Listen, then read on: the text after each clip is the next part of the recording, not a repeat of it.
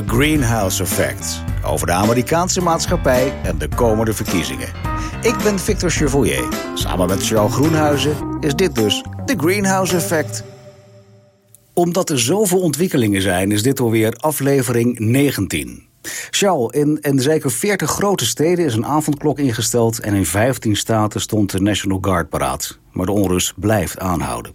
In onder meer Chicago, Philadelphia en Washington waren er weer betogingen. En in het centrum van Atlanta zijn twee politieagenten ontslagen... omdat ze afgelopen zaterdagavond veel geweld hadden gebruikt... bij de arrestatie van twee studenten die de avondklok negeerden.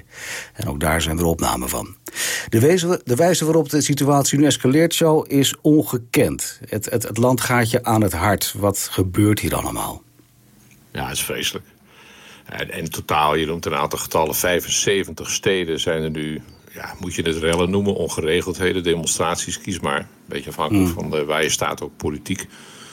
Uh, en, en het komt van heel ver en heel diep. Uh, vergeet even degene die winkels plunderen en in brand steken... en een politiebureau omver hebben getrokken zo ongeveer. Uh, Donald Trump concentreert zich daar heel, op, en heel, heel erg op. En ook William Barr, minister van Justitie, zegt... ja, allemaal links tuig ik, moest een klein beetje denken, jij en ik kunnen ons dat herinneren uit onze eigen jeugd. Toen hier in Nederland ook nog wel eens wat gebeurde qua rellen en zo. Uh, dat werd toen door rechts, ik zeg het even heel simpel, uh, weggezet als het linkse werks, werkschuwtuig. Weet je nog? Ja, ja, ja, ja. En ze waren nog langharig ook in die tijd. Ja, langharig werkschuwtuig. En, uh, ja. Met een beetje, beetje pech hoorde een van ons tweeën er ook nog bij. We laten verder het midden wie dat was. Maar um, Nee, het, het, het gaat mij zeer aan het hart. En het is ook heel zorgelijk. En het is ook tegelijk, en dat is mijn belangrijkste invalshoek natuurlijk... echt tomeloos interessant en fascinerend wat hier nu gebeurt. Hmm. Uh, omdat ja, het komt, wat ik net al zei, van zo diep en zo ver... De, de, en dan gaat het niet alleen om zwarte Amerikanen. Daar is nu al heel erg de focus op. En ook begrijpelijk en terecht. Denk ook aan het aantal slachtoffers als gevolg van corona. Uh, juist onder die zwarte bevolking, ook onder Latino's en, en blanke armen, vergis je niet. Slaat de economische crisis snoeihard toe. En als je dan zo'n incident weer hebt, zo'n dodelijk incident van onnodig, bruut politiegeweld. Ja, dan, dan slaat de vlam in de pan. Eh, en het is de mhm. vraag ja, hoe, hoe, dat verder gaat aflopen. Nou, daar kunnen we het zo meteen over hebben. Er zijn natuurlijk wel een aantal historische precedenten... waarbij we vergelijkbare dingen hebben gezien. Maar dit is met name in de combinatie, uh, Victor, is, is het heftig om een heel simpel feit. Uh, die vorige keren uh, was er politiegeweld, en was er verontwaardiging en, en geweld wat, werd daardoor weer opgeroepen. Mm. Maar dat gebeurde niet in een periode van de mate van economische crisis die we nu meemaken. En dat uh, en een crisis wel, waarbij de afgelopen periode de stand staat nu op 104.000 doden. Ja, als gevolg van corona. En dat is waarschijnlijk een zeer forse ondertelling. Er zijn er waarschijnlijk mm. veel meer. Uh, en die combinatie hebben we niet eerder gezien. In ieder geval weten we nu dat dit een zeer explosief mengsel is... als het gaat om wat mensen op de straat doen. Ja. En nogmaals, vergeet even de relschoppers. Dat zeg ik negatief, want ik heb daar weinig waardering voor. Maar concentreer je even op al die duizenden zwarte Amerikanen... ook veel blanke Amerikanen, vergis je niet... die oprecht nu zeggen, genoeg. Wij willen een rechtvaardiger, maar voor een deel ook zachtaardiger Amerika. En daar knokken ze voor. Uh, Als je even die uh, mensen buiten, buiten beeld laat die s'nachts uh, de boel echt slopen, zeg maar. Ja. Dus dat we even bij de rechtschapen demonstranten houden. Ja. Wanneer zullen die tevreden zijn, denk jij? Nou, dat, dat, is, dat is wel een groot probleem. Want die zijn niet zo gauw tevreden. en daar hebben ze ook nog een keer gelijk in. Ook omdat mensen aan de onderkant van de Amerikaanse samenleving... ongeacht hun kleur, herkomst enzovoort... zijn de afgelopen 25, 30 jaar zeer zwaar de pineut geweest. Elke keer weer de klap. Denk aan de crisis van 2008. Uh, uh, nu recent nog weer zijn, zijn dubbel de pineut. Mm. Bij zwarte Amerikanen komt daar nog eens een keer... de ja, toch raciaal geïnspireerde, zou ik bijna zeggen... discriminatie en achterstelling bij. En dat is heftig. Voor elke statistiek die je daarop naslaat, zie je dat zwarte Amerikanen zwaar in het nadeel zijn. Daartegenover staat, en dat wordt ook wel door, door blanken aangevoerd, ook als het gaat om bijvoorbeeld misdaad, eh, ongezond leven. Ja, onder zwarte Amerikanen komt meer misdaad voor dan onder blanken. En ja, onder zwarte Amerikanen wordt gemiddeld ongezonder geleefd dan door blanke Amerikanen. Dat zijn allemaal feiten die gewoon gedocumenteerd zijn en waar je verder van alles van kunt vinden. Maar daarnaast is er zo'n enorme hoeveelheid ongerechtvaardigde onrechtvaardigheid, als ik het zo mag zeggen. En, en daar worden mensen nu kwaad over. En, en wat dat betreft komen vast ook een beetje kip en het ei, hè? Ja, voor een deel wel. En voor een deel, kijk, we komen natuurlijk, maar dan ga je heel ver terug. Uiteindelijk vindt dit zijn basis natuurlijk in de periode van de slavernij in de Verenigde Staten. Nou, die is uh, eh, 170 jaar geleden afgeschaft, gelukkig. Maar mhm. de erfenis daarvan is niet voorbij. Die is geen 170 jaar geleden. Die erfenis ligt er voor een deel nog elke dag. Ik, ik heb, dat weet je, 23 jaar in Amerika gewoond. En uh, ik hoorde het bijvoorbeeld vaak ook van mijn vrouw die op een internationale school werkte... of, of internationaal georiënteerde school in Washington... met ook veel zwarte staf en ook nogal wat zwarte studenten. Nou, als je van die mensen hoort hoe vaak ze gediscrimineerd worden... of hun kinderen gediscrimineerd worden. Een van haar collega's was Paula Young de dochter van Andrew Young, als je die nog kunt herinneren. Uh, oud VN-ambassadeur, oud burgemeester van Atlanta. Een van degenen die op dat balkon bij Martin Luther King stond toen. Daar staat hij bij. Hij was dus een mensenrechten- of een burgerrechtenactivist, zeer prominent. Mhm. En die Paula Young die zelf Martin Luther King als kind nog meegemaakt heeft thuis. Die heeft kinderen, intussen eh, bijna volwassen jongens. En die zei ook vaak tegen Karin van... je hebt, mijn vrouw, je hebt geen idee hoe vaak mijn zoons keurig niet rijk, maar welgesteld, prima gezin. Hoe vaak die, als ze bij een 7-Eleven een colaatje halen... of als ze in de auto zitten, worden aangehouden. Enkel en alleen vanwege het feit dat ze niet zoals jij en ik een witte huiskleur hebben. En dat, en dat ja. vreet aan mensen, gecombineerd met al die andere vormen van achterstelling... en ongezond wonen enzovoort. En de vlam slaat nu in de pan. Sinds wanneer heeft eh, de, de donkere Amerikaan eigenlijk stemrecht? Dat is ook nog niet zo lang. Uh, ja, dat is eigenlijk wel een hele goede. Ze zijn we helemaal in het begin. Uh, hebben ze toen wel. zijn ze uh, zwarte Amerikanen gaan meetellen. voor het, het, toedelen van congreszetels. En dan gold een, een zwart, zwarte burger als twee derde, niet één. Omdat daar een aantal staten waren weer boos. En in de zuidelijke staten hebben zoveel van die zwarte slaven. En dan zijn ze wel eigen in het voordeel. Ik zou eigenlijk op moeten zoeken wanneer voor hun het stemrecht. Hè. Wij, wij zijn nu ruim 100 jaar onderweg van het algemeen kiesrecht. Ik zou dat eerlijk gezegd moeten opzoeken. Maar, maar dat is okay. een zeer geruime tijd. En de, en de opkomst uh, hangt er een beetje van af. Uh, met Barack Obama was die hoog, met Hillary Clinton was die weer een stuk lager. Uh, maar het is, het is een groep kiezers die ook Donald Trump niet kan negeren. Ze zullen nooit een meerderheid voor Republikeinen stemmen, dat weten we. 80% van Zwart-Amerika stemt gemiddeld democratisch. Ja. Uh, maar de kans dat hij nu in de buurt van die 20% van de zwarte Amerikanen komt, die neemt weer ongeveer met de dag af. En daar waarschuwen mensen Trump ook voor. Maar hij blijft alsmaar roepen: looting is shooting. Als je gaat plunderen, dan kun je verwachten ja. dat er op je geschoten wordt. Dat is heel eng wat hij nu allemaal roept. Nee, het empathisch um, vermogen van deze man is, is, is, is nou, eerlijk gezegd, heel laag. beton. Daar kom ik zo meteen nog even op terug. Eh, maar wat me ook opvalt, hè, wat we net al vaststelden... is je ziet overdag zie je allerlei vreedzame demo demonstraties. Mijn dochter zei vanmorgen van... Uh, papa, als wij in Amerika zouden wonen, zou je dan meegaan? Ik zeg, ja, overdag wel. Ik geloof dat ik er wel tussen zou durven staan. Maar er gebeurt iets dat er s'avonds dat daar wat anders plaatsvindt. Daar wil ik straks nog even op terugkomen. Maar je ziet dus harde confrontaties, s'nachts met name... maar ook politieagenten en commissarissen die het gesprek aangaan... of, of die zelfs meelopen met een demonstratie. Dat betekent toch eigenlijk dat de maatschappelijke onvrede heel breed gedragen wordt? Zeker. Kijk, wat je nu gezien hebt, dat politiegeweld, en dat zie je veel vaker. We hebben het getal vaker genoemd, maar tussen de 1000 en 1100 Amerikaanse burgers worden per jaar door de politie doodgeschoten bij allerlei incidenten. En ja. soms moet je zeggen terecht, als politieagenten worden aangevallen door criminelen uh, met half automatische pistolen, ja, uh, wie schiet er het eerst? Dus dat is allemaal wel begrijpelijk. Maar ook heel vaak, en daar zie je op YouTube ook echt tranentrekkende ja. voorbeelden van. Dat je denkt van mijn god, vorige keer hebben we er heel hard over gehad. Ja, dat, ja, dat is zo verschrikkelijk. Maar tegelijkertijd, bijvoorbeeld in Miami uh, zijn ook prachtige foto's van als mensen naar mijn Twitter-account gaan. Uh, mijn naam daar is CH Groenhuis als je het leuk vindt. En net een aantal foto's gepost uh, uit Miami, waarbij agenten samen met demonstranten ook knielen en bidden. Ja. Er zit een prachtige foto bij van een soort ME'er. Het heet daar wat anders, maar in full battle gear die aan het huggen is vraag of dat verstandig is vanwege corona. Maar goed, even de symboliek is, belangrijker met een demonstrant. Dus de, nee, natuurlijk zijn er ook onder agenten velen. Ook voor een deel van etnische afkomst. Die komen van, vaak van hele bescheiden uh, kom af. En weten wat discriminatie en achterstelling is. En die zijn nu politieagent. De, de gozers die nu ook vastgezet zijn in Minneapolis. vanwege het incident met George Floyd. Ja, dat, dat zijn, ja, ik kan niet anders zeggen, dat zijn toch slechterikken. De New York Times heeft een reconstructie gemaakt van die acht, negen minuten die zo cruciaal zijn geweest. Met video's uit de verschillende uh, invalshoeken. Ja, het, is, het is ten hemel schrijend. Het goede nieuws is natuurlijk dat dit soort dingen nu, uh, Victor, naar buiten komen. Onder andere omdat wij allemaal met zo'n ja, cameraatje in onze zak lopen. camera lopen, ja, precies. Want stel je toch eens voor, en dat is natuurlijk eeuwenlang niet zo geweest... en toen gebeurden er natuurlijk nog veel ergere dingen... Als je ook de mm. beschrijving leest die vaak in die officiële politiestukken terechtkomt... en vervolgens draai je het videootje even af... en dan denk je van, nou, eh, complimenten voor uw fantasie, eh, meneer de agent. Maar dit is niet conform de feiten. Van. Nee, precies.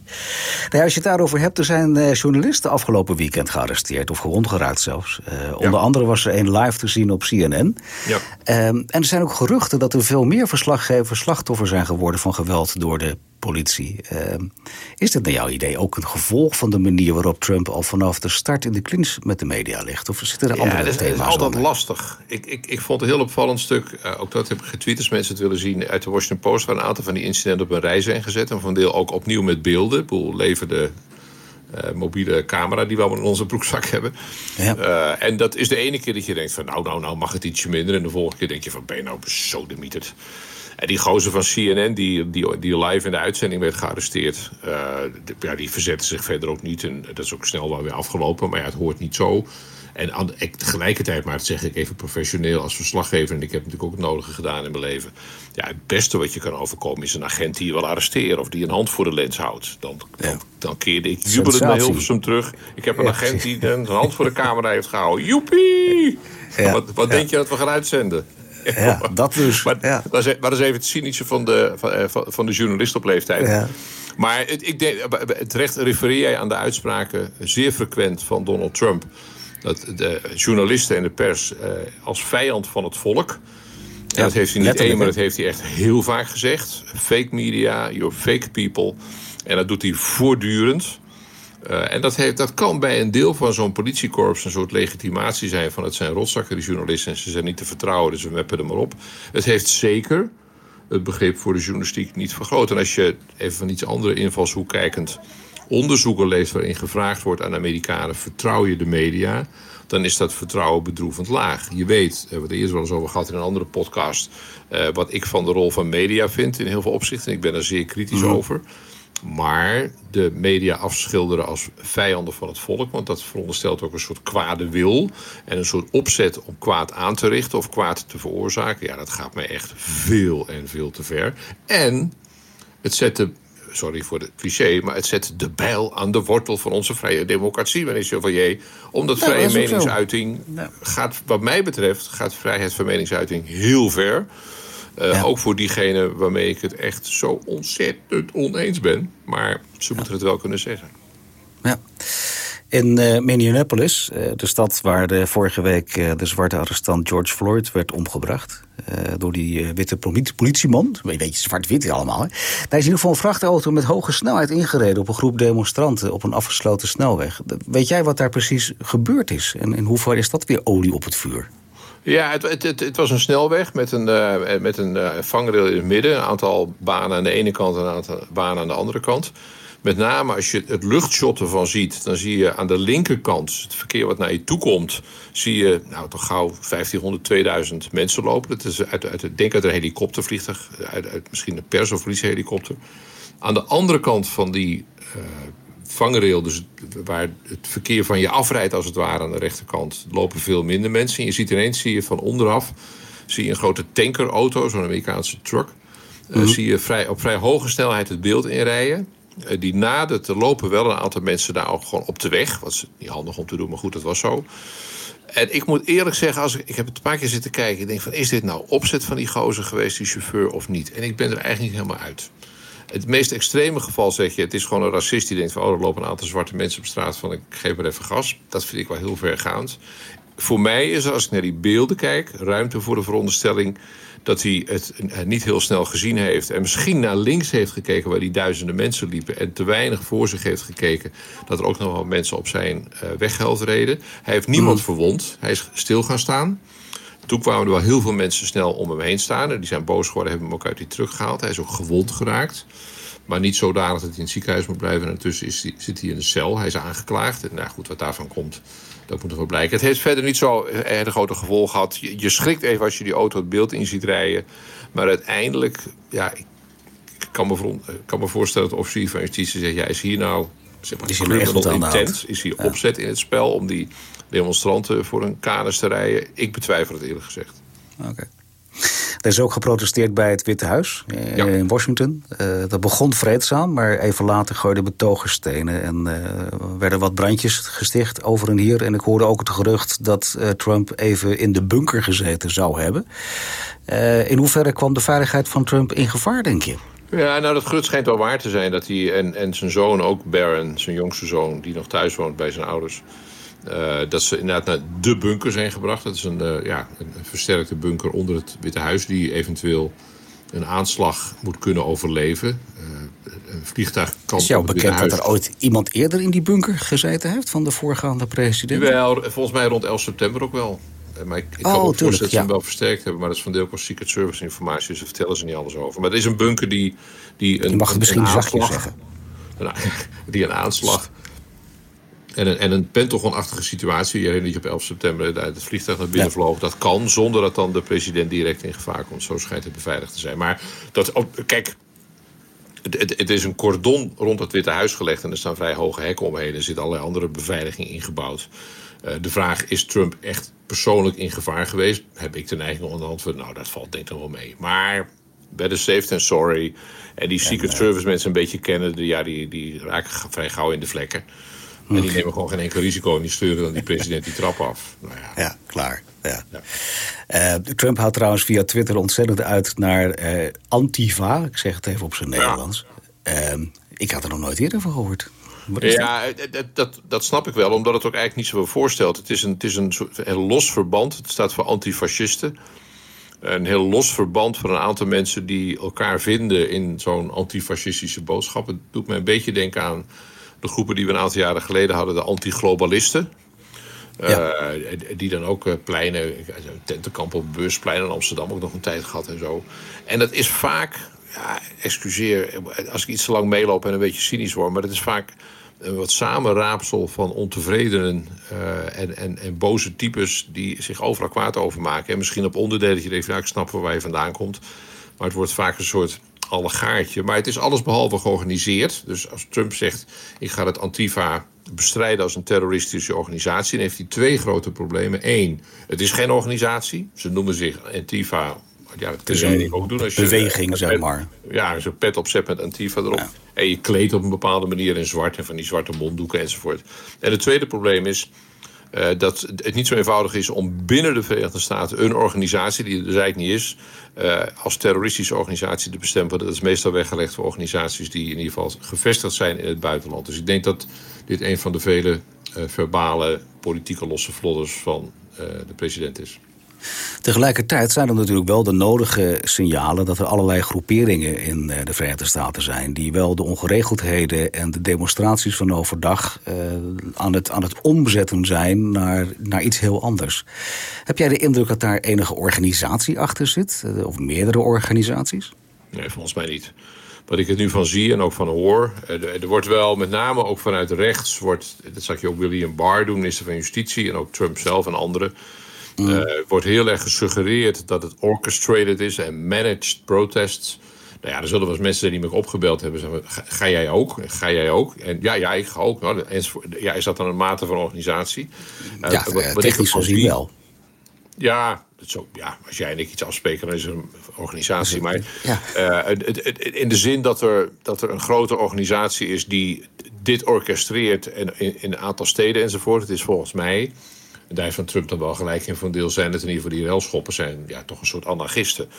En die zouden zich volgens mij ook alles, alles behalve uh, senang voelen bij een of andere organisatie die hun vertelt wat ze wel of niet moeten doen en vinden. Dus ik denk dat, dat daar komt de dreiging niet zozeer van. Kijk, was er maar een organisatie, dan kun je ze ook aanspreken. Ja. want er is er een nu niet. voorzitter, of ik Die zijn er allemaal niet. Je, je ziet ook, kijk maar naar de, naar de beelden ook. In Nederland zullen de meeste mensen naar CNN kijken. Het is ook niet zo dat er één of twee woordvoerders zijn... die je bij een staking of een demonstratie in de meeste gevallen wel hebt. Dat is hier geen sprake van. Het is, het is ook voor een groot deel echt heel spontaan. Dat mensen kwaad, verontwaardigd, nijdig, echt nijdig zijn. En het zat zijn. En gewoon de straat op gaan en elkaar inderdaad ongetwijfeld via Facebook of Twitter oproepen van ga je ook mee. Ja. Leidt wel weer tot de laatste vraag die ik nog een keer stel eigenlijk. Van, uh, wanneer zouden die demonstranten enigszins tevreden kunnen zijn? Nou ja, Joe Biden heeft het wel, die, die, die vond ik wel een mooie reactie geven. Uh, die ook goed samenvatten waar, waar toch de angel zit. En die angel zit in de structurele ongelijkheid de toenemende ongelijkheid zit natuurlijk ook in de frustratie over het aantal doden, bijvoorbeeld onder zwarte Amerikanen eh, als gevolg van eh, corona. Dat zit natuurlijk ook in eh, de frustratie over de enorme werkloosheid. De meeste mensen met lage inkomens kunnen hun werk niet vanuit huis doen, van achter een beeldschermpje. Die moeten naar die spoelkeuken van een restaurant om af te wassen. Of moeten uh, er buiten gaan staan schilderen of schoonmaken of wat dan niet. En de meeste van die laagbetaalde banen zitten gewoon vast aan huis. En dan loop je alle gevaren. Al die frustraties bij elkaar. Slecht onderwijs, geen toegankelijke zorg, geweld in hun buurten. Uh, waar, waar heel veel ook voorkomen onschuldige zwarte Amerikanen voor nu het slachtoffer van zijn. Ja, die frustratie. Nou, je noemt allemaal zware thema's om die niet morgen over zijn. Het, het, het zijn allemaal thema's van, van, van een stuk armoede, rechtsongelijkheid, discriminatie. Ja, noem het een verwaarlozing. Eh, corona die er nu het afgelopen half jaar overheen komt. Uh, ik, ik, denk niet dat het reëel is om te veronderstellen dat we morgen daar een oplossing voor hebben. Dus dan, dan blijft die vraag gewoon boven staan van wanneer zou dan de man op de straat die aan het demonstreren is enigszins eh, zijn verhaal kunnen halen? Wanneer, wat, wat moet dan ingelost zijn? Dat wordt heel lastig. Eh, eh, ja en nee. In mijn laatste boek, dat heet Alles gaat voorbij zoals Donald Trump... en ik ben het nu aan het herschrijven. Misschien gaan we nog een nieuwe titel bedenken, zijn we er niet helemaal uit heb ik uitgelegd, zoals je weet, dat naar mijn waarneming en oordeel Amerika in rap tempo een progressieve land wordt. En dat steeds meer Amerikanen vinden dat alle kwesties die we nu een paar keer ook genoemd hebben, en die centraal staan ook bij al deze demonstraties, dat veel Amerikanen zeggen: ik wil een ander, eerlijker, duurzamer, socialer Amerika.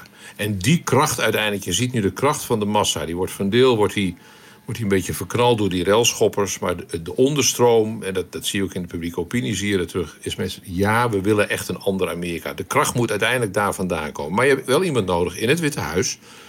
Uh, en het congres, het Amerikaanse parlement, heb je wel mensen nodig die dat vertegenwoordigen. En dat is het afgelopen jaar natuurlijk heel slecht gegaan met Donald Trump, laten we eerlijk zijn. Maar als Joe Biden, ik had het eh, gisteren met mijn vrouw nog over. Iedereen heeft heel veel kritiek op Joe Biden, dat heb ik ook. Uh, maar... tegelijkertijd, ik moest het denken, ik zou mensen het aanraden. Kijk eens naar dat filmpje. Uh, het is een paar minuten waarin hij een reactie geeft op die dood van George Floyd. En dat doet hij goed. Heel ingetogen. Uh, dat, kan, dat kan hij goed. invoelend. Wat je bij Trump absoluut niet merkt. Dat, dat er een mate van betrokkenheid of invoelendheid, empathie. Maar toen, ik zei tegen me, God, zou het nou wel eens kunnen dat die Joe Biden uiteindelijk nog wel meevalt. Al was het maar omdat bij democraten, en helemaal bij republikeinen... maar ook bij Nederlanders gemiddeld de verwachtingen heel laag gespannen zijn. Het is geen Obama, het is geen Bill Clinton... Dus het zou best eens kunnen dat Biden, als hij een beetje in zijn rol blijft en zich concentreert en zich bij zijn boodschap houdt, dat we over een paar maanden zeggen: God, die Biden, dat, dat, valt eigenlijk wel mee. Dat is eigenlijk best een goede peer. En, en laten we eerlijk zijn, de mensen die nu de straat op gaan, ze hebben niet veel meer om hun hoop op te vestigen dan op deze 78-jarige Joe Biden, die uh, ik ja. 36 jaar in het congres heeft gezeten en acht jaar vicepresident is geweest en wat dan niet. Ja, het is op dit moment het beste wat ze hebben. En ik, ik ben wel benieuwd. laat ik, laat ik een, een geclausuleerde voorspelling doen. Dat ze misschien over een paar maanden weer achter deze microfoon zitten, Victor. En zeggen van die Biden. Terwijl hier de sirenes door Utrecht loeien. Ik weet niet wat er aan de hand is. Ik, weet niet of ik wou net zeggen, is het bij jou of is het hier? Maar het is bij jou. Oké. Nee, het is bij mij. Uh, hij, hij, was niet in mij op zoek, zo te horen. Dat door. maar uh, dat we misschien over een tijdje tegen die Biden... Hadden wij het niet gedacht, maar die doet het eigenlijk echt best heel behoorlijk. Hij heeft... Ja, maar tegelijkertijd vind ik wel dat hij erg onzichtbaar is. Of ligt dat aan mij? Want hij, hij zou toch daar juist zijn rol in kunnen pakken. We hebben het net gehad over alle thema's waar hij wat aan zou moeten doen. Um, dan zou je eigenlijk kunnen zeggen... joh, maak gebruik van het moment om daar iets moois van te kunnen maken. Ja, maar daar moet je ook mee oppassen. Kijk, hij is, hij is, geen hij heeft, hij is een eenvoudige staatsburger zoals jij en ik, formeel. Ja, hij wordt president, presidentskandidaat. maar je moet ook burgemeesters en gouverneurs en politiecommissarissen en presidenten ook weer niet te veel voor de voeten lopen. Daarom, als je zijn statement leest en ziet, ik adviseer mensen ga op YouTube eens kijken. Uh, dat, is, dat is ingetogen, maar ook niet heel specifiek, omdat ik, ik, ik snap dat wel een beetje. En ik denk dat hij ook wel een beetje afwacht. Uh, want wat hij zegt is verder ook niet van directe praktische waarde. Het is meer voor inspirering, voor, voor inspiratie. En het was nog wel een aardig. Ik had afgelopen uh, zaterdag had ik in de studio van Op 1, ik presenteerde daar Piet Hoekstra, de ja. Amerikaanse ambassadeur hier, van Groningse afkomst, dus vandaar Hoekstra. Hij zegt zelf mm -hmm. Hoekstra. En ik, op een moment heb ik gevraagd: Goh, die Joe Biden, het eerste wat hij zegt, ik heb met de Floyd family gebeld. Uh, en toen vroeg ik hem: Heeft uh, jouw host, host, hoogste baas Donald Trump de Floyd family in Minneapolis ook gebeld? Nou, dat wist hij niet precies. Intussen weten we dat wel. Ja, de president heeft gebeld naar de broer van George Floyd, dus de broer van de vermoorde man. En die heeft vervolgens weer gezegd van ja, had de president aan de telefoon gehad, maar hij kwam amper aan het woord. Althans, die broer kwam amper aan het woord, omdat de president steeds aan het woord was. Ja. Nou ja, dat, dat is ook wel weer zo'n scène dat je bij jezelf denkt van... Je ziet het voor je, hè? Je ziet ja, het als je nou toch iemand in die omstandigheden belt... en die familie Floyd is ook tegen hun zin ineens wereldnieuws, weet je wel. Wat ja. maken die mensen allemaal mee? En nou ja, als... als ja, tegelijkertijd vroeg je... Van, van, je, vroeg, je vroeg aan de ambassadeur vroeg je ook heel netjes of, jij, of hij dat een, een presidentieel optreden vond. Ja. En hij dook er prachtig langs. Want hij heeft nooit antwoord gegeven op die vraag. Nou, dat is wel mooi. Kijk, ik, ik, dat interview met Piet Hoekstra heb ik veel kritiek op gekregen op social media, omdat ik hem niet hard heb aangepakt. En ik heb ook, ook mensen op de redactie gezegd van... wat zou dan een harde aanpak zijn? Zeggen van die, die Trump is een, is een leugenaar en een botterik enzovoort. Denk je dat dan de ambassadeur zegt... ja, Charles, dat vind ik eigenlijk ook wel. Ik heb hem die beelden laten zien van uh, Minneapolis... en aan hem, mm. tegen hem gezegd van... it's pretty rough, right? Dat, ja. dat is hard. En hij heeft toen ook in die eerste antwoorden... en ik zou mensen uitnodigen, kijk maar terug... heeft hij dingen gezegd over het politieoptreden... die veel verder gaan wat de Trump-regering tot nu toe gedaan heeft. Als ik in dat interview hem gelijk had hard had aangevallen Mm -hmm. hij in de verdediging. Dat weet jij ook, Victor. Op het moment dat je iemand. Nee, dat is ook, ik zeg niet dat jij daarin in niet, in niet nou, goed zat. ik zeg meer dat die, dat, die, dat die meneer Hoekstra een beetje. Uh, ik zeg het gewoon op zijn Nederlands, meneer Hoekstra. Dat die eigenlijk uh, ook een beetje met zijn handen op, op zijn, met, met zijn kont op zijn handen zit. Hij weet ook niet zo goed wat hij met die situatie aan moet. Hij ziet ja, ook als wel. Je als je hem vraagt, dingen... is het presidentieel en hij duikt ervoor weg. De goede verstaander. Dat zegt toch genoeg? De goede. Hij zou moeten zeggen: ja, ja. zeer, zeer presidentieel, meneer Groenhuizen. Zeer ja, ja. Dat zei hij inderdaad niet. Dus het is. Nee. En dat is ook de subtiliteit. En daarom eh, eh, zeg ik mensen gewoon: eh, kijk maar even terug, je kunt het zo opzoeken. En, en geef dan een oordeel over wat uiteindelijk die ambassadeur in dat interview zei. En wij waren daar zelf ook achteraf op de redactie met elkaar natuurlijk nagepraat over dat soort dingen. Uh, En ook wel gehad over dat ik, dat ik hem naar verhouding niet heel hard heb aangepakt. Ah, vind ik het aardige man, ik ken hem ook al heel lang, kwam in Amerika ook vaak tegen. Maar uh, uh, dat, dat heeft meestal niet zo gek veel zin, want dan ga je een beetje Trumpiaans op de confrontatietour en de escalatietour. Ja. En dat leidt meestal tot niks. Heb jij nog gehoord of Obama gereageerd heeft? Ja, die heeft gereageerd. En die uh, heeft, uh, dat is misschien nog wel, wel indrukwekkender. Ook op zijn website van de Obama-organisatie. En ik verwijs toch maar even naar mijn Twitter-account. Ik, heb het, ik heb het opgezet, heb je het allemaal bij elkaar. Uh, heeft hij een filmpje gezet van een 12-jarige jongen. En die zingt. Ja. Die zingt over zijn toekomst. Een zwarte jongen uit Minneapolis. hij zingt het nog prachtig. En ik zou echt iedereen willen adviseren van kijk en luister naar deze 12-jarige jongen. Die zingt over zijn dromen en zingt over, ook over zijn frustraties. En Obama heeft dat op zijn eigen website van de Obama-organisatie in dit geval gezet. En dat zegt eigenlijk genoeg, Victor. Wat ik wel opvallend vind, maar dat is misschien voor een volgende podcast... dat langzamerhand de ex-president... een ex-president bemoeit zich meestal niet of nauwelijks met de campagne dat ik vermoed met wat zich nu allemaal afspeelt, ook in de African American community, waar Obama zelf uitkomt tenslotte, zelf van zeer bescheiden komaf, maar veel succes uiteindelijk geboekt, dat het mij niet zou verbazen als zowel Barack Obama als zijn vrouw Michelle in die campagne een zeer prominente rol gaan spelen. En dat zou voor diezelfde Joe Biden, die ik net noemde, wel eens een geweldig voordeel kunnen zijn. Risico is altijd dat mensen zeggen: wat is die Obama toch goed? En wat jammer dat we het met Biden moeten doen. Maar goed, dat is de dynamiek van de campagne. Dat is wat het is. Durf je voor een voorspelling te maken van de komende ontwikkelingen? Nee, dat vind ik heel erg lastig, want ik ben er ook cynisch over. Uh, ik loop lang genoeg mee om mij de rellen te kunnen herinneren uit Los Angeles rond Rodney King, voor degene die zich dat ja. kunnen herinneren. Uh, door een wonder is dat toen gefilmd. Het is natuurlijk in de periode 92 was dat voor de uh, mobiele telefoons. Maar iemand heeft vanaf een balkon dat gefilmd. Werd dan allemaal ontkend door de politie tot dat filmpje opdook. Het resultaat was, agenten werden niet veroordeeld. Van meer recentere datum in 2014, zowel in Ferguson uh, als, als in de buurt van New York een vergelijkbaar geval. De agenten in kwestie zijn niet uh, in de cel terechtgekomen. Uh, en dat zie je elke keer weer gebeuren. Dat je denkt van ja, maar hallo, dit, dit, is, dit is gewoon moord. En soms wordt dat zelfs door een, door, door een patholoog vastgesteld. Deze man is vermoord. Ja, nee, ja, hij had ook wel astma en had ook wel aan zijn hart. Dus ja, is, hij nou doodgegaan door wat die politie hem aandeed... of toch door zijn astma of zijn hart enzovoort. Elke keer weer zijn ook zwarte Amerikanen gefrustreerd over wat zij zien... en begrijpelijk en van deel terecht... als een totaal gebrek uh, aan rechtvaardigheid... een totaal gebrek aan een eerlijke kans... om deze mensen hun verdiende straf te laten ondergaan. En, en dat, ja. dat zit fout in het systeem. En dat vindt Obama ook. En die zal dat wellicht ook... Hij is zelf jurist, zijn vrouw ook trouwens... Ja, ja, ja. Dus daar, daar, kan nog wat moois En daarom is het wel een soort testcase. Die, die gozer die met zijn knie op die nek zat... die heeft nu uh, third degree uh, murder ten laste gelegd gekregen. Nou, dat zal allemaal nog maar moeten blijken.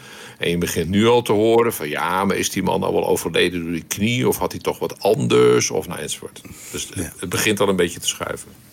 Maar misschien ben ik positief. En, elke keer. Nou, zeggen, anders hebben we een, een, hele negatief einde. Dat moeten we niet doen. Dus nee, wat zou nou een, dus, wat zou een mooi gevolg kunnen zijn van deze situatie die we nu Voor mij, maar dat is ook wel een beetje. Wat ik als Amerika-watcher zeg, maar ook wel eens iemand die hartstochtelijk van het land houdt. Wat zou het mooi zijn als de agenda van Amerika iets meer opschuift in wat ik zelf ook vaak beschreven heb.